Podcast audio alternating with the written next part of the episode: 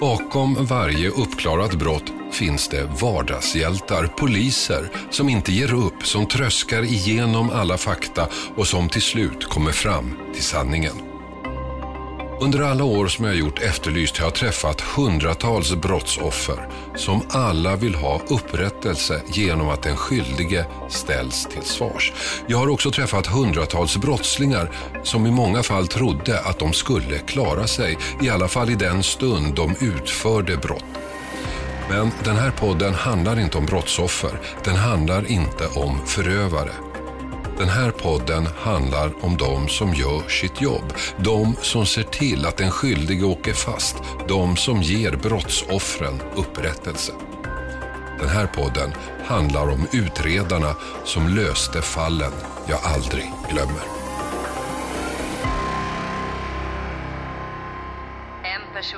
Då en är skadad efter en misstänkt skottlossning på Eriksfältsgatan i Malmö. Under slutet av november 2009 och större delen av 2010 skakas Malmö av mer än 100 skjutningar. De flesta av dem kriminella uppgörelser. Men bland alla händelser hittade polisen något som inte stämde. Något som pekade åt ett annat håll än gangsterkrig. Det var två saker. För det första offren som inte alla var inblandade i kriminalitet. Och för det andra, samma vapen hade använts.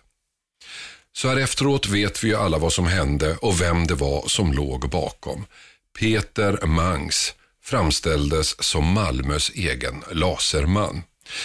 I ett brev till en journalist som jag har fått ta del av beskriver sig Peter Mangs som något av en skatteprotesterare. Staten tvångsbeskattar medborgarna utan att ha rätt till det och invandrarnas existens är en direkt följd av statens stöld av medborgarnas pengar. Under sina år i USA lärde han sig att medborgarna inte behöver finna sig i tvångsskatter. Själv ansåg han sig stå utanför detta precis som han står utanför lagen i vid mening och därför egentligen inte begått några brott eftersom han inte accepterar lagstiftningen. Ungefär så. Jag vet inte om det var ett försök av honom att måla upp ett motiv för sina handlingar. I en intervju i tidningen Café menar han att gärningarna var ett sätt att avdomesticera sig, ställa sig utanför. Andra menar att han helt enkelt är en rasist, precis som Lasermannen. Själv tror jag att Mangs motiv är dunkla även för honom själv. Det fanns helt enkelt ingen genomtänkt ideologi bakom hans handlande. Ett antal löst hopsatta tankar parat med en viss grad av galenskap, helt enkelt. Och vi kommer nog aldrig få full klarhet i vad han egentligen ville. Vad vi vet däremot är vad han är dömd för. Två mord och åtta mordförsök. Alla riktade mot kvinnor som i hans värld var invandrare. Utom det ena mordet där han sköt ihjäl en ung kvinna. Själv menar han att han siktade på mannen och kvinnan träffades av misstag. Samtliga gärningar inträffade mellan oktober 2009 till november 2010 då han greps utom det första mordet som inträffade redan 2003. Och då finns det två alternativ. Antingen väntade han i sex år innan han slog till igen eller så finns det saker han gjort som vi inte känner till.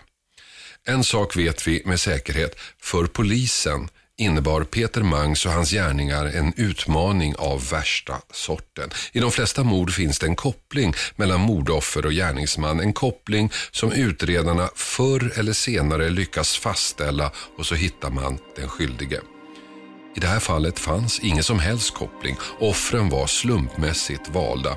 Dessutom skedde gärningarna i en tid som redan var rätt orolig. Det inträffade flera skjutningar än de Mangs utförde i Malmö den här tiden. Så tanken att några av dem hängde ihop på ett sätt som låg utanför gangstervärldens ibland dunkla logistik var inte helt självklar. Så utmaningen hade två sidor. Den ena helt enkelt att se att skjutningarna, en del av dem i alla fall, hängde ihop. Den andra att hitta den skyldige. Börje Sjöholm var biträdande insatsledare under denna märkliga och ovanliga utredning.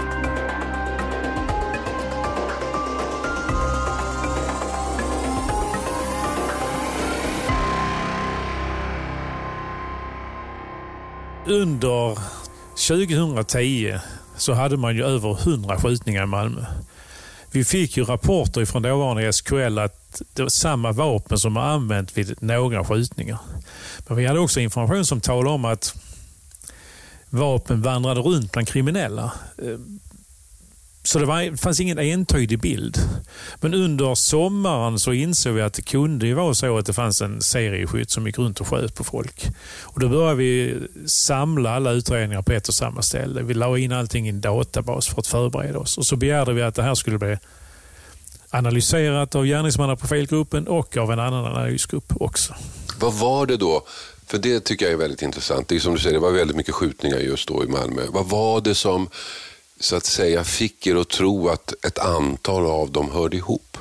Det var ju framförallt de eh, rapporter vi fick från SKL på kulor och hylsor, att det var skjutet med samma vapen. Men det var ingen entydig bild faktiskt. För det är lätt i efterhand att säga, då fattar man att det var samma person. Men vi hade också information från källor att det var vapen som vandrade runt i kriminella miljöer och att det var lite status att ha ett vapen som man hade skjutit på någon med.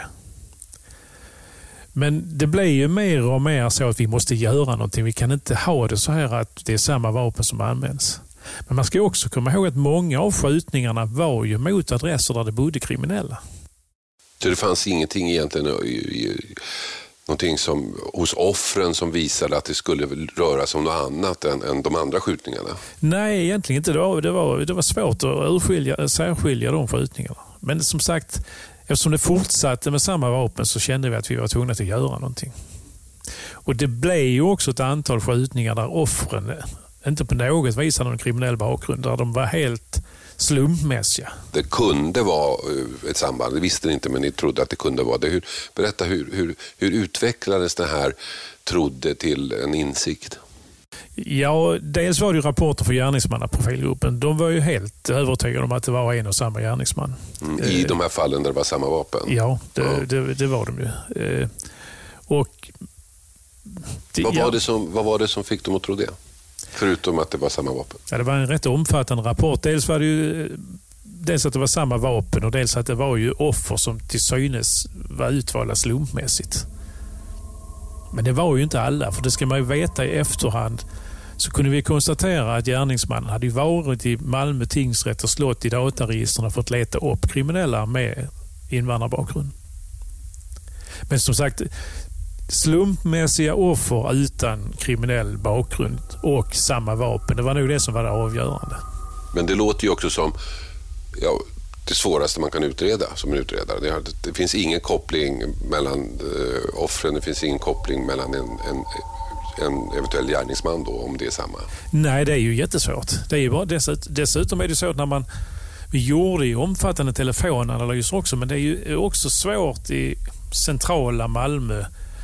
Eh, det är klart att samma telefoner kommer att dyka upp vid olika brottstillfällen och en del av de telefonerna kommer att användas av kriminella. Det är ju rätt så uppenbart. Och I efterhand visade det sig att gärningsmannen hade ju inte ringt någon. Men om vi då stannar till där. Ni har alltså bestämt för att det kan finnas ett samband med de här skjutningarna.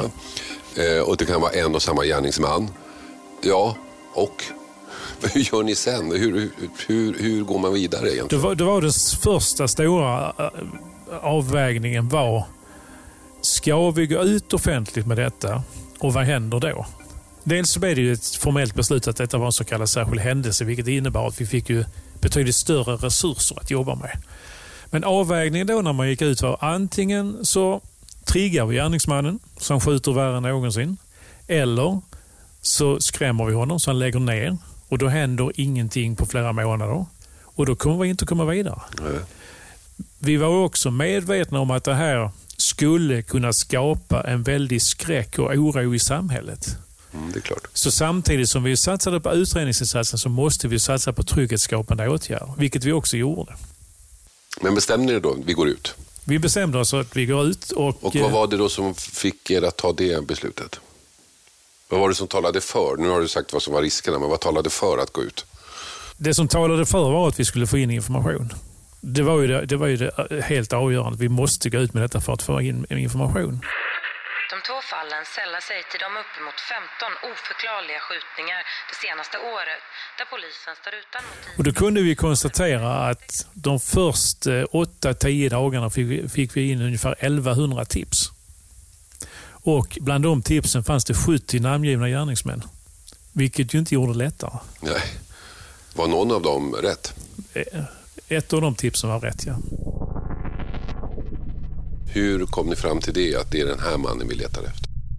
Slutligen blev det så att vi, när vi hade gått igenom alla de här tipsen, så tipsen om gärningsmannen innehöll sådana detaljer så att det här måste vara någon som känner till det. Problemet med det tipset var att det var anonymt. Så det tog ungefär två veckor innan vi lyckades identifiera den anonyma tipsaren. Och sen fick vi ju då ett formellt förhör och då har det en helt annan dignitet. Formellt sett är det betydligt mer användbart. Den mannen som tipsade eh, jobbade på ett LSS-boende. Så anledningen till att han var anonym från början var att han var bekymrad för sekretessen, att han hade brutit mot sekretessen. Men när vi förklarade att eh, i ett sånt här grovt brott så bryts sekretessen så var han väldigt eh, samarbetsvillig och tillmötesgående. Och vad kunde han berätta? Han kunde berätta att han hade två klienter där eh, som hade berättat för honom att gärningsmannen hade skrutit och berättat om de här, vissa av de brott som han hade utfört. Och eh, Det innehöll ju sådana detaljer så att vi kände att det här känns ju rätt så bra. Men samtidigt så var vi ju inte övertygade om att det var helt rätt. Så att bland de här 70 namngivna gärningsmännen hade vi ju gått igenom och kokt ner så vi skulle ju påbörja spaning på två av dem, varav gärningsmannen var den ene. Men det fanns ju fler intressanta personer. Och då, då blir det naturligaste att nu, nu sätter vi spaning på dem och ser vad han gör. Ja, det var ju också en övervägande där för att ett alternativ var ju att få honom anhållen och gripa honom helt enkelt. Problemet med det var att i tipsen sades det att han hade gömt sina vapen utomhus någonstans.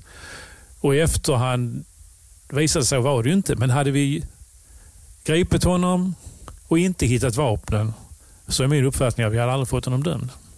Så till slut, efter långa diskussioner, blev beslutet att han skulle, vi skulle spana på honom och att vi skulle ha telefonavlyssning på honom. Ett jätteproblem med det var ju att vad händer om han går ut när vi spanar? Om han skjuter någon då? Och det fick ju inte hända. Det fick ju bara inte ske att polisen satt och tittade när han sköt någon. Det är väl alltid det övervägandet man gör när man fattar beslut om olika Ja. åtgärder. För att å ena sidan, som du säger, om man sätter span så kan man ju få mycket mer och, och information och saker som man behöver. Å andra sidan så kan det ju hända något. Precis, det, kunde, alltså det hade ju varit fasansfullt om vi hade suttit och tittat på när han sköt någon. Mm. Eh, det, det fick ju bara inte hända. Va? Eh, men vi hade, eh, vi hade en plan för det också. Eh, vad den innehöll vill jag inte gå in på för den kanske kan användas i framtiden också. Men det fanns en plan för att hantera det. Men det fanns ju givetvis en enorm risk och svårigheter med det här. Ja, men även om ni hade en plan så kunde ju saker och ting ha gått så fort så ni inte hade hunnit. Absolut, ja. Absolut. Mm. Vad gav den här spaningen då? Ja, I princip ingenting. det blev väldigt kortvarig spaning. Ja. För det visade sig, när vi hade hört den här anonyma, från början anonyma uppgiftslämnaren, så hörde vi även de två som gärningsmannen hade skrutit för. Och sen förstod vi via någon telefonavlyssning att det fanns en risk att de skulle berätta för gärningsmannen. Och då, då gick det inte att vänta längre. Utan då var det ju bara till att slå till och få, och få honom an och, och gripa honom. Och det visade sig då att han hade ju all utrustning hemma. Vad sa han själv då, när ni tog honom? Det var en väldigt konstig, konstig reaktion. Eh, Jag, jag har ju tittat på första förhöret med honom flera gånger på video där han uttrycker sig någonting om att jag är väldigt ovan med den här situationen så jag vet inte riktigt hur jag ska uttrycka mig. Men han får neka i brott. Men när ni har honom där eh, och ni har då... Eh, alltså, han, han nekar, vad gör ni då? Vad, vad, vad, vad hittar ni så att säga som styrker det här? Ja, Vi hittar, ju, vi hittar ju vapnen hemma hos honom och de körs ju i ilfart till SKL. Så redan efter ett dygn har vi ju en bekräftelse på att det är rätt vapen. Och då är det, ju- då är det ju självklart att han blir häktad. Men du berättade innan vi körde igång att han var ju också ganska förslagen. Han hade bytte pipor, han ändrade på saker och ting så att ni inte skulle kunna se all, all, samband mellan allt. Dels var det så att han hade ju två olika pipor i, i den, eh, det vapen, den Glock-pistolen han använde. Men det var också så att han använde sig av smörjeluk för att ändra utseendet på piporna. Och han eh, tog med sig tomhylsor från skjutbanan som han slängde ut på vissa brottsplatser. Han gjorde, gjorde en hel del för att försvåra det för oss. Mm. Och Det innebar nog, tror jag, att i SKLs utlåtandeskala så är ju plus fyra det högsta man kan ha. Mm. Men vissa kulor fick vi bara det som heter plus tvåa på. Och Det kan ju bero på att han har ändrat. Sen ska man också veta att det inte är alldeles enkelt att göra de här bedömningarna. Och SKL är ju försiktiga. De ska ju vara helt säkra på det de säger. Ni hade en situation i Malmö med många skjutningar. Nu har ni då eh, Peter Mangs eh, där. Ni är övertygade om att han har gjort ett antal i alla fall, för det kan ni se på vapnet. Mm. Men de andra då? Hur, ni måste ju, det kunde ju ha varit fler.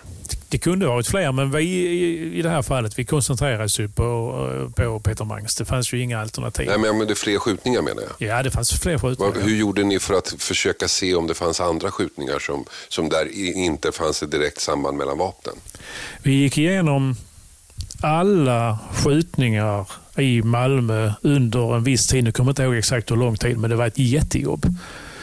För polisens datasystem var inte de allra bästa. utan eh, det som heter brottskodning kunde ju kodas på så många olika sätt så vi gjorde fritextsökningar. Vi hade ju massor av folk som satt och läste manuellt alla skjutningar. Vi hittade ju en stor mängd som kunde vara Peter Mangs, där moduset stämde med Peter Mangs. Men det gick inte att gå vidare på det, det fanns inte mer att gå på. Men vi bedömde i alla fall alla skjutningar.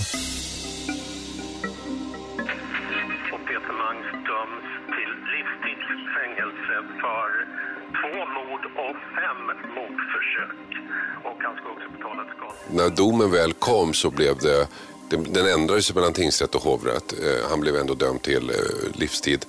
Tror du att allt fanns med där? Nej, det tror jag inte. Jag tror det finns fler. Framförallt så finns det en väldig lucka mellan det finns, finns ju en lucka mellan mord som han begick 2003 mm. och sen accelererade det 2010. Precis. Vad händer under mellantiden? Nu vistades han i USA en stor del av den här tiden men det känns väldigt konstigt att det inte hände någonting på sju år och sen så blev det sån, liksom massor av skjutningar 2010. Jag antar att han, han nekade ju då till, till eh, brottet, men sa han någonting som, som ni så att säga kunde ändå ge någon slags förklaring till var, varför han hade gjort det han sa sig inte ha gjort, men som ni var övertygade om att han hade gjort? Nej, eh, det gjorde han inte. Eh, I efterhand har det spekulerats och skrivits böcker om det här och där man anser sig bevisa att han var rasist och sådär. Det, det är inte omöjligt men det finns inget entydigt motiv. Det är en väldigt komplicerad person det här och det går inte att säga att så var det. Eh, det är väldigt svårt att hitta de verkliga bevekelsegrunderna. För, för en polisutredning så är väl motiv, motivet egentligen kan ju vara en ledtråd men det är ju ingenting som avgör utredningen. Nej, det är det ju inte. Alltså, en polisutredning handlar ju om hårdfakta och vi tyckte att vi gjorde ett bra jobb när vi utredde faktiskt vad som hade hänt. Eh, vi fick inte med hela motivet. Motivet kan ju vara avgörande när det gäller straffmätningen. Men i det här fallet så var ju straffmätningen uppenbar. Det fanns ju inga alternativ till livstid. Nej. Vad fick du för intryck av honom? Jag träffade faktiskt aldrig honom personligen. Men jag har ju sett filmer och eh, jag har ju pratat med förhörsledarna. Väldigt eh, udda person som ju inte kände sig hemma i samhället. Däremot kände sig väldigt hemma i häktescellen. Mm. Eh, han hade en väldigt begränsad värld att ta hänsyn till och styra där allting var ordning och reda. Men en udda person som inte tyckte sig passa in. I ett brev som jag redogjorde för i början här så, så skriver han att han han hatar samhällets rätt att beskatta. Det är tvångsbeskattning, man tar pengarna. Och eh, en del, en del av de pengarna går då till till exempel att försörja invandrare. Men det, det är beskattningen som sådan som, som, som han eh, ogillar. Och då låter det lite grann som de amerikanska terroristerna, Oma-bombare och sånt där som mera ogillar systemet kanske än, än rent rasistiska motiv. Ja, alltså återigen, det är väldigt svårt att ha en uppfattning om det. Du tror inte att han personligen bidrog så mycket, mycket till skatteintäkterna. Eh, men eh, han kände sig udda, han kände sig utanför. Eh, och Det var väl kanske en bidragande orsak, men jag, jag vet inte. Jag tror aldrig vi får riktigt klarlagt heller. Så här efteråt, det här var ju förstås en jättesvår utredning. Det är bland de tuffaste utredningar man kan ha när du har en person som utför sådana här brott. Men så här efteråt, fanns det någonting som ni lärde er i, i det här? Någonting som ni skulle kunna ha nytta av nästa gång? Vi lärde oss väldigt mycket av det här. Dels gjordes det en stor utvärdering. Vi lärde oss att samarbeta mellan utredningssidan och den blå sidan. Vi lärde oss vikten av att hålla sig till fasta rutiner. Är det någon gång man ska återgå till fasta rutiner så är det när det är stormar som mest. Och Det lärde vi oss väldigt mycket av. Att systemet fungerar om vi bara får chansen att hålla oss till det. Tack.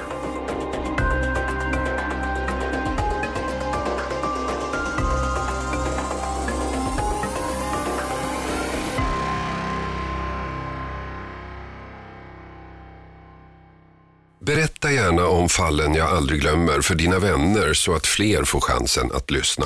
Har du förslag på vilka fall du vill att vi ska ta upp eller bara berätta vad du tycker så mejla till fallen at ilikeradio.se.